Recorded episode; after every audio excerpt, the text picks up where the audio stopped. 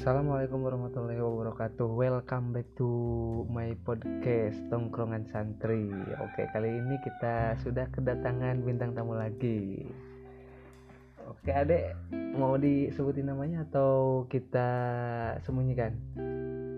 Sebutin aja. Sebutin aja. Nama siapa ini? Nama saya Muhammad Alfarijal.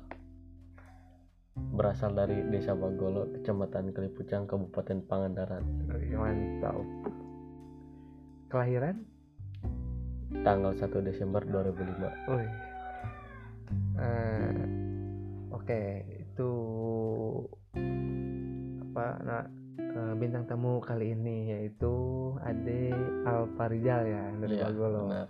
Nah, untuk kali ini emang apa sih yang eh, akan dibicarakan dan dan kenapa gitu berbicaranya kepada saya itu ataupun ada eh, kabar dari orang lain ataupun eh, kabar berita dari teman ataupun atau atau atau lihat di media sosial atau gimana?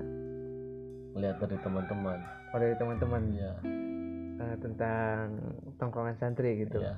podcast tongkrongan santri emang masalah apa yang ingin dibicarakan dek Masalah tuntunan orang tua supaya saya bisa menjadi orang yang lebih baik dan menjadi orang yang bermanfaat bagi umat dan agama. Wih mantap pada ini dari dari dari apa itu teh? Dari sebuah eh, bukan tuntutan mungkin jadi tanggung jawab itu lebih ke kewajiban sebagai anak untuk bisa berbalas budi terhadap orang tua ya deh ya Iya, benar itu. sekali.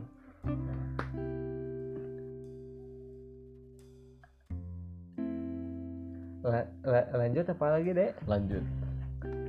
A- ala- maksudnya eh, ingin curhat apa lagi gitu seputar apa seputar apa tapi nggak apa-apa ini saya ntar unggah di podcast tongkrongan santri Enggak apa-apa. nggak apa-apa Iya.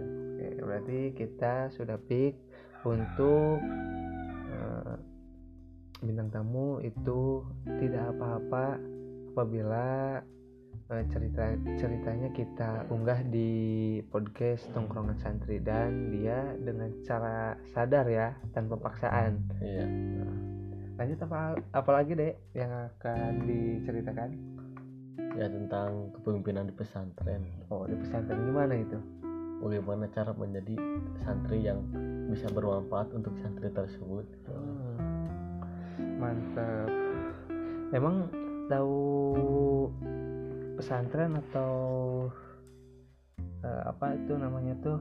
Hmm, tahu dari orang lain atau emang suruh oleh orang tua tahu dari teman-teman sih. Dari teman-teman? Iya karena teman-teman saya banyak yang mondok jadi saya ikut mondok juga di sini.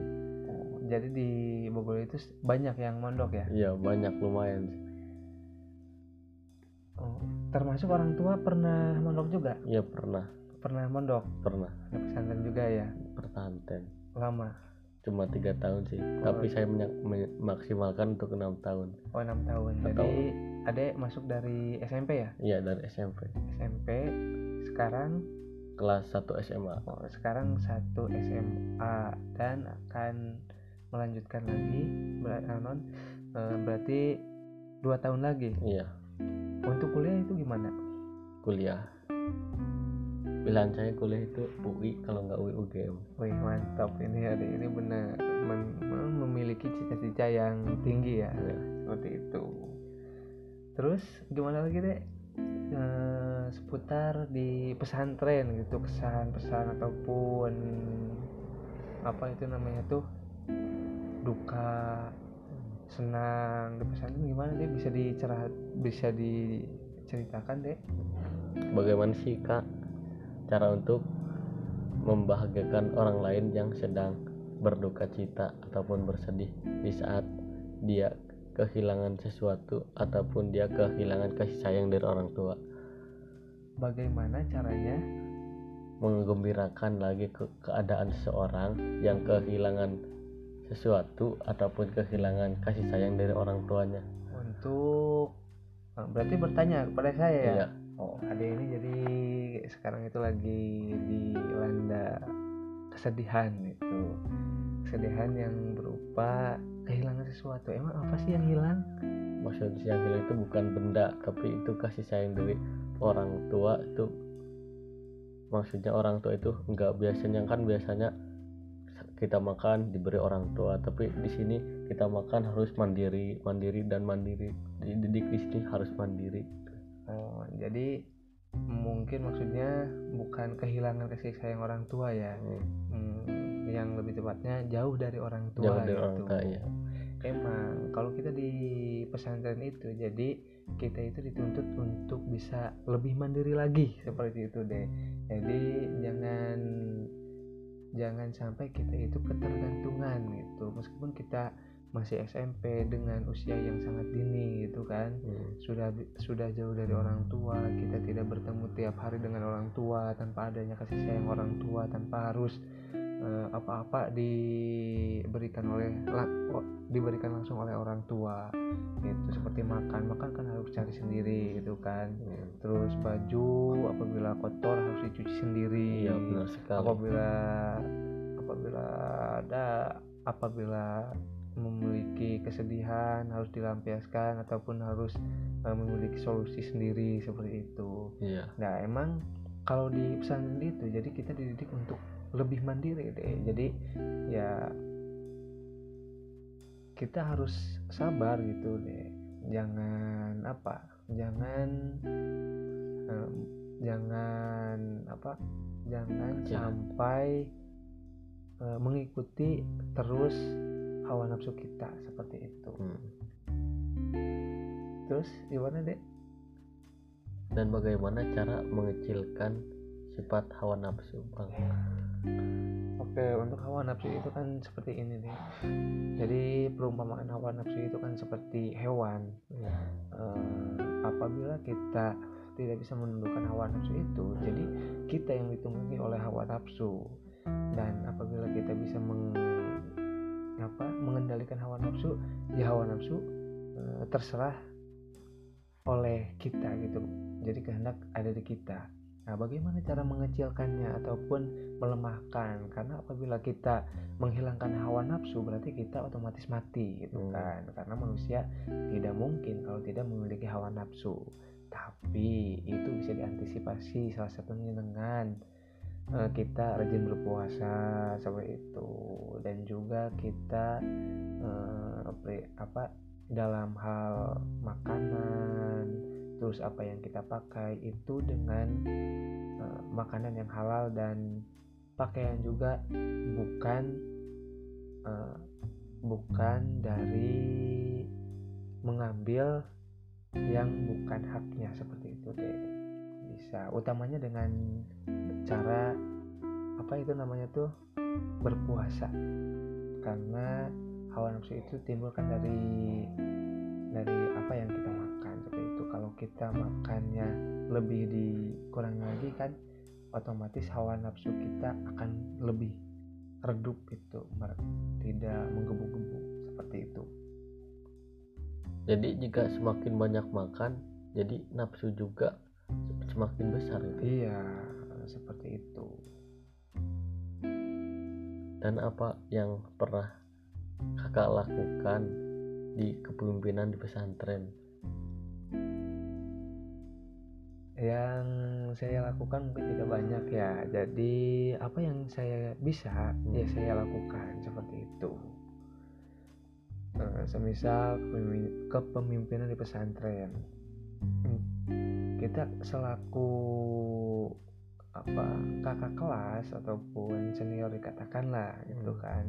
Ya kita sebisa mungkin apa yang sudah kita dapat di pesantren kita berikan lagi kepada adik-adik kita dengan cara apa? Dengan cara slogan gitu. Dan apa mengatur kegiatan adik-adik kita. Seperti itu deh. Ya dari saya cuman cukup segitu. Oh nggak ada. Nggak ada yang lain lagi itu misalnya mau cerita kak saya itu eh, sebenarnya nggak betah nih lagi ada masalah ataupun gimana gitu. Nggak ada yang mau diceritain lagi. Ada sih tapi soal tentang dari kehidupan yang di masa SD itu tidak terlupakan. Oh emang seperti apa? Bisa bermain-main dengan dengan gembira bisa pergi ke laut dan mancing bersama teman-teman dan lain-lain emang sekarang nggak bisa main gitu. Bisa. sekarang juga kan banyak teman-teman. Ya bisa. Di sini juga bisa main tapi kurang. Tapi mainnya dibatas gitu oh terbatasi gitu. Iya.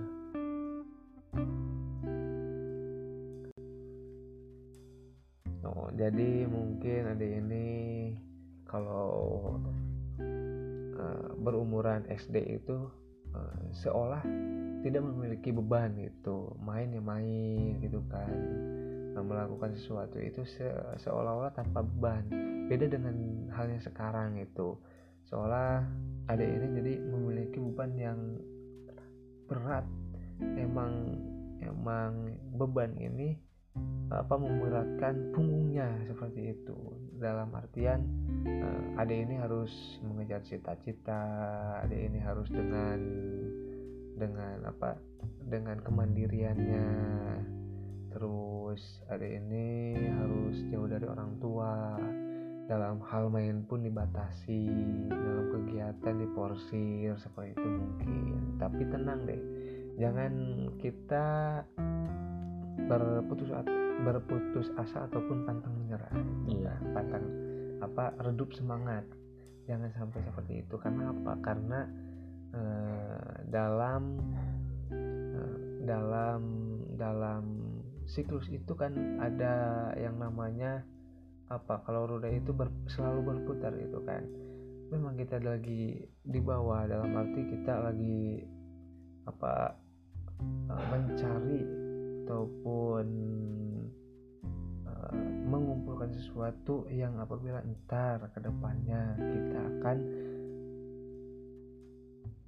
kita ke depannya akan mencapai sesuatu yang lebih tinggi.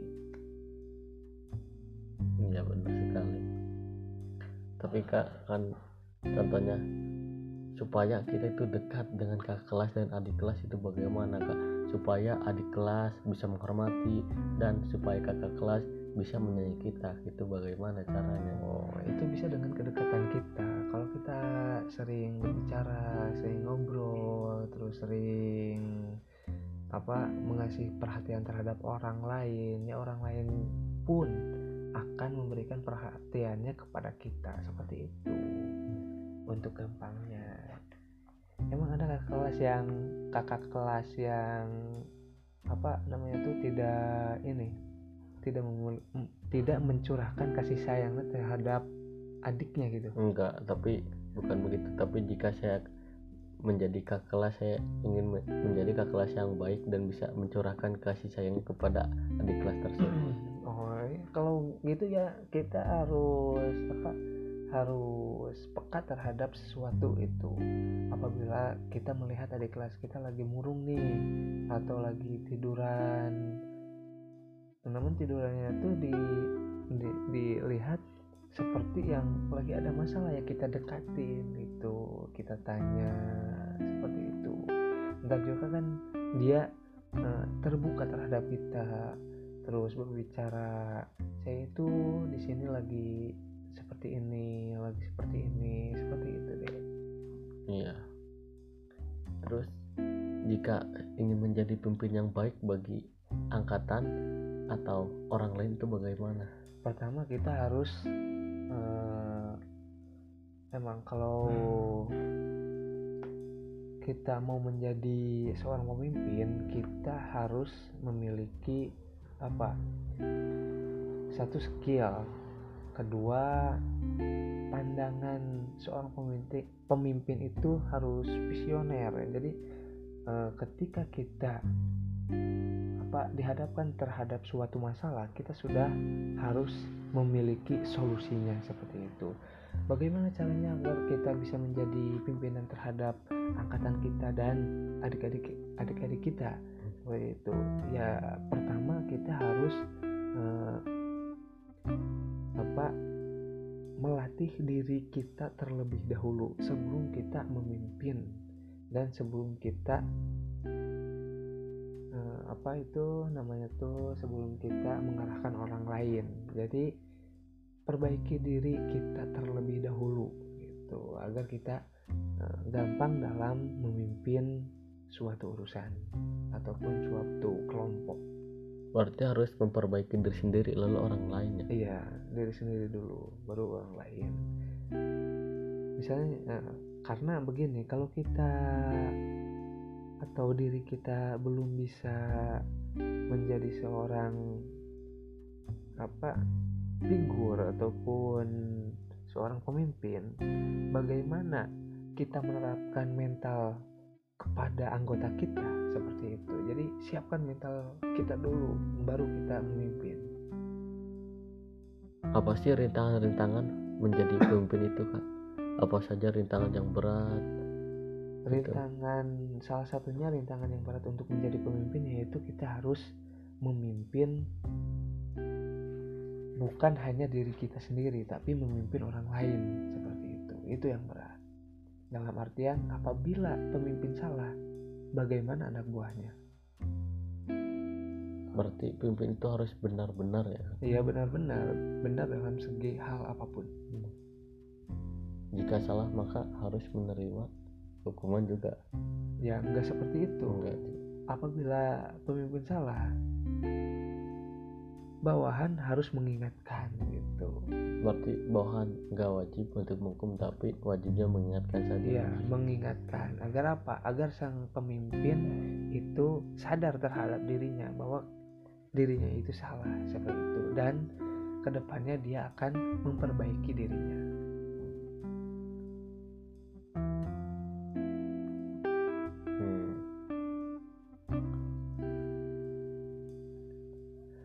Lanjut, apalagi dek?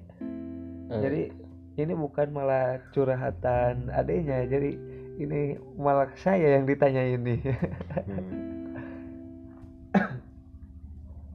ya nggak apa-apa, sharing aja kita. supaya bisa baca kitab itu gimana itu bang baca kitab nalar kitab untuk bisa baca kitab pertama kita harus tahu alat untuk kita membaca seperti jurumiyah kalau jurumiyah itu un- eh, dalam pengertiannya kan agar eh, membenarkan lisan kita nahu ya nahu ya maaf nahu nahu itu kan agar membenarkan lisan kita ketika kita membaca eh, kalimat-kalimat bahasa Arab Iya. seperti itu. Jadi bagaimana kita harus bagaimana kita caranya agar bisa lancar baca kitab ya kita tahu alatnya seperti itu. Alatnya apa? Nahu soro. kalau udah bisa nahu sorof pasti baca kitab apa pun itu pasti juga bisa Insya Allah. Insya Allah. Kalau kita banyak pembendaharaan mufrodat bahasa Arabnya. Karena di kitab kan ba- kebanyakan kita gundul gitu kan. Hmm. tidak ada sakalnya. Seperti itu. Apabila kita tahu ini tuh jadi kalimat apa ini ini barisnya seperti apa kalau kita tahu itu menjadi apa kita kan bisa mem, apa memberikan sakal. Seperti ka- seperti mubtada itu harus diropakan. Ya kita ropakan seperti itu. Kalau udah bisa jurumnya berarti misalnya ngaji kitab tauhid kitab tauhid itu menjelaskan tentang apa lah kitab Kalau- tauhid. kalau tauhid itu menjelaskan tentang ketuhanan. Seperti itu. Berarti membahas tentang Gusti Allah. Mung- mungkin lebih tepatnya bukan terhadap eh, bentuk ataupun zat eh, Gusti Allah gitu. Tapi lebih tepatnya terhadap sifat-sifatnya itu seperti kan wujud ayat Gusti Allah. Adanya adanya Tuhan itu apa sih dalil secara aklinya wujudu wujudu hadir makhlukoti dalam artian ya kita percaya adanya Tuhan itu karena adanya ciptaannya seperti itu. Jadi kita tidak harus menggambarkan bahwa eh, Tuhan itu atau Allah itu seperti ini eh, kita gambarkan itu tidak tidak bisa itu karena apa karena Allah memiliki sifat muholafatulil hawadisi dalam artian tidak sama dengan yang diciptakan secara baru gitu Hmm. Tisarwa anyar Hmm. lamun cek Sunda nama Hmm. Kalau apa lagi? Sapinatun Najah itu menjelaskan tentang apa sih kak? kalau Sapinatun Najah eh, itu menjelaskan fikih Fikih. ya fikih nah, adapun sarahnya ada di awal eh, menerangkan tentang ketauhidan Berarti Sapin Najah ada fikih, ada tauhid juga. Eh, sarahnya Sarahnya. sarahnya ada tauhid tauhid di awal di awal Hmm. Kalau Sapinahnya menjelaskan eh, terhadap fikih seperti itu deh Kan di jurumnya kak ada ada ya ada ropa nasab hopa jajam tak itu itu gimana sih? Saya kurang mengerti kurang paham tentang ropa nasab dan jajam rupa nasab dan Jajam. ciri-cirinya ciri Ciri. iya ciri. Rupaku rumah itu mah nasabku. Patah. Hopadku kasroh jajamku. Syukur. Ya seperti itu. Kita kembali lagi li Rofi arba'u alamatin. Iya. kembali lagi ke jurumnya halaman halaman berapa? Halaman dua itu. Bab bab bab ke satu oh bab ke eh ke satu atau ketiga ya? Pasanya ketiga kalau nggak salah. Bab ke satu kalau kalau pertama sebelumnya kan mukadimah hmm, terus lanjut apa lagi deh saya, saya kurang mengerti terhadap bacaan ter- terhadap ini kak masalah ilmu tauhid yaitu tentang Gusti Allah. Yang tidak dimengerti itu apa? Si sifat kawasa Gusti Allah. Apakah Gusti Allah itu kawasa? Jika Gusti Allah itu menciptakan sesuatu tapi yang kuatnya sama dengan Gusti Allah. Itu Hmm. jika Gusti Allah menciptakan yang kuatnya sama Gusti Allah itu kan otomatis kekuatan Gusti Allah ada dua kuatnya itu Gusti Allah itu termasuk kawasa atau tidak itu? Oh, jadi seperti ini. Dikatakan ada ini bagaimana?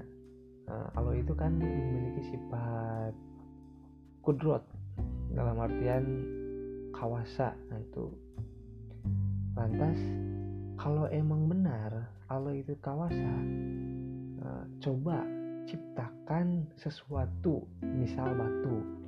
Batu yang diciptakan oleh Allah namun batu tersebut tidak bisa diangkat oleh dirinya.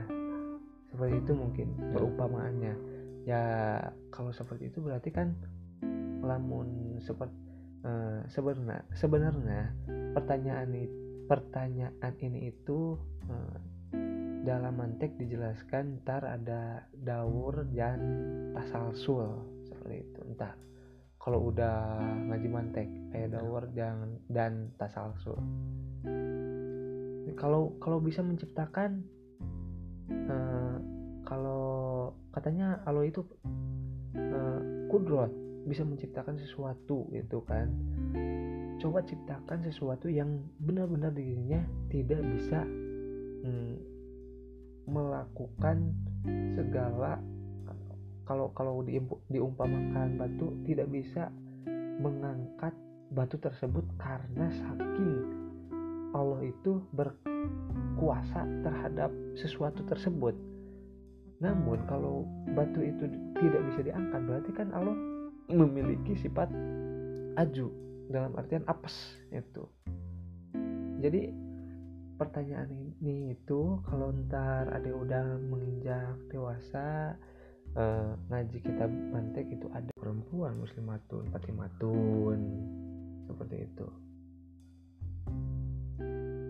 Dan di kitab Sapina saya pernah baca-baca air itu air itu ada berapa sih air. Air Persen itu ada ada, tujuh, ya? tujuh ya ada tujuh. Itu air salju itu gimana itu? Air salju ya air salju. Tata cara wudhunya gimana gitu tak ya seperti kita wudhu biasa aja. Seperti itu. Jadi kita kan eh, dikatakan kita memiliki apa itu seperti di luar seperti di Jepang ataupun seperti di luar yang eh, apa beriklim apa ding- dingin gitu.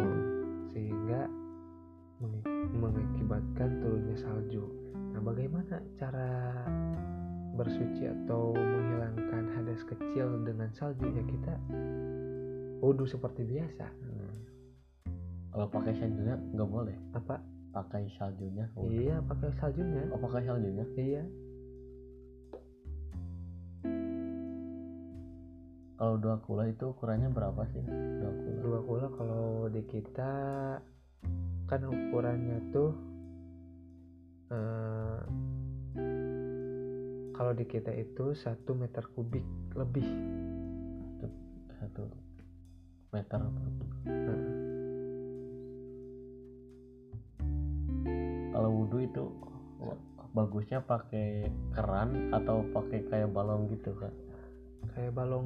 Kayak balong kayak bak kayak oh, di kayak bak. bak. Hmm. Ya bagusnya kita keduanya juga bagus dalam artian kalau kita wudhu di balong gitu yang ukuran airnya itu lebih dari dua kula atau kita memiliki bak yang besar. Yang besar.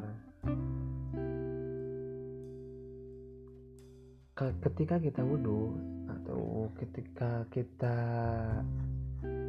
apa eh, bersuci ba- bagus itu. Dalam artian eh, terbasuh semua itu. Namun dalam hal wudhu dan adus itu ada perbedaan. Kalau wudhu itu kita eh, kalau wudhu itu dalam kitab dalam kitab itu ada yang namanya yang namanya tadlik atau meng- mengosok-ngosok. Beda halnya dengan adus. Kalau adus itu tamimul badani dalam artian eh, cukup badan kita terbasuh oleh air seperti itu. Jadi nggak mesti harus dikosok-kosok. Yang penting walatra sakabe awak kucai.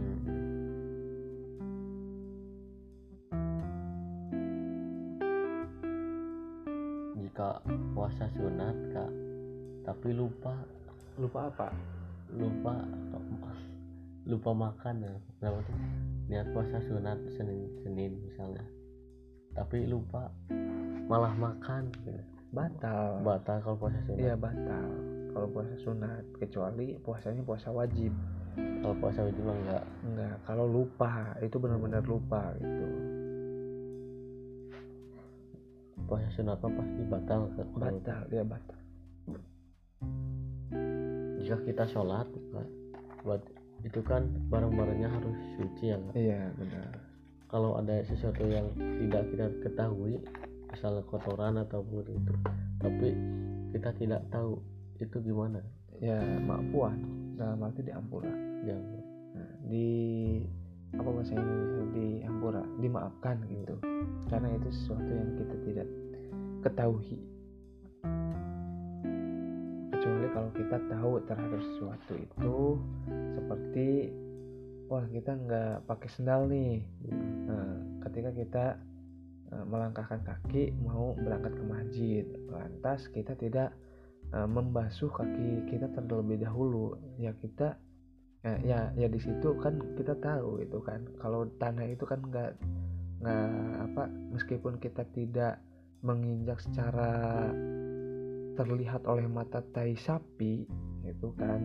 Tapi kan yang namanya tanah itu kan banyak yang dilalui. Eh, baik itu oleh sendal yang eh, dalam sendalnya itu ada kotoran itu kan.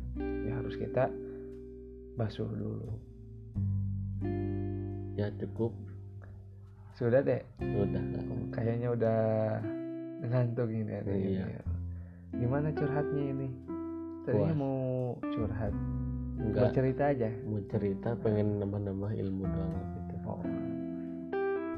Oke guys, seperti itu untuk podcast kali ini kita cukupkan sekian. Terima kasih telah setia mendengarkan podcast Tongkrongan Santri. Assalamualaikum warahmatullahi wabarakatuh.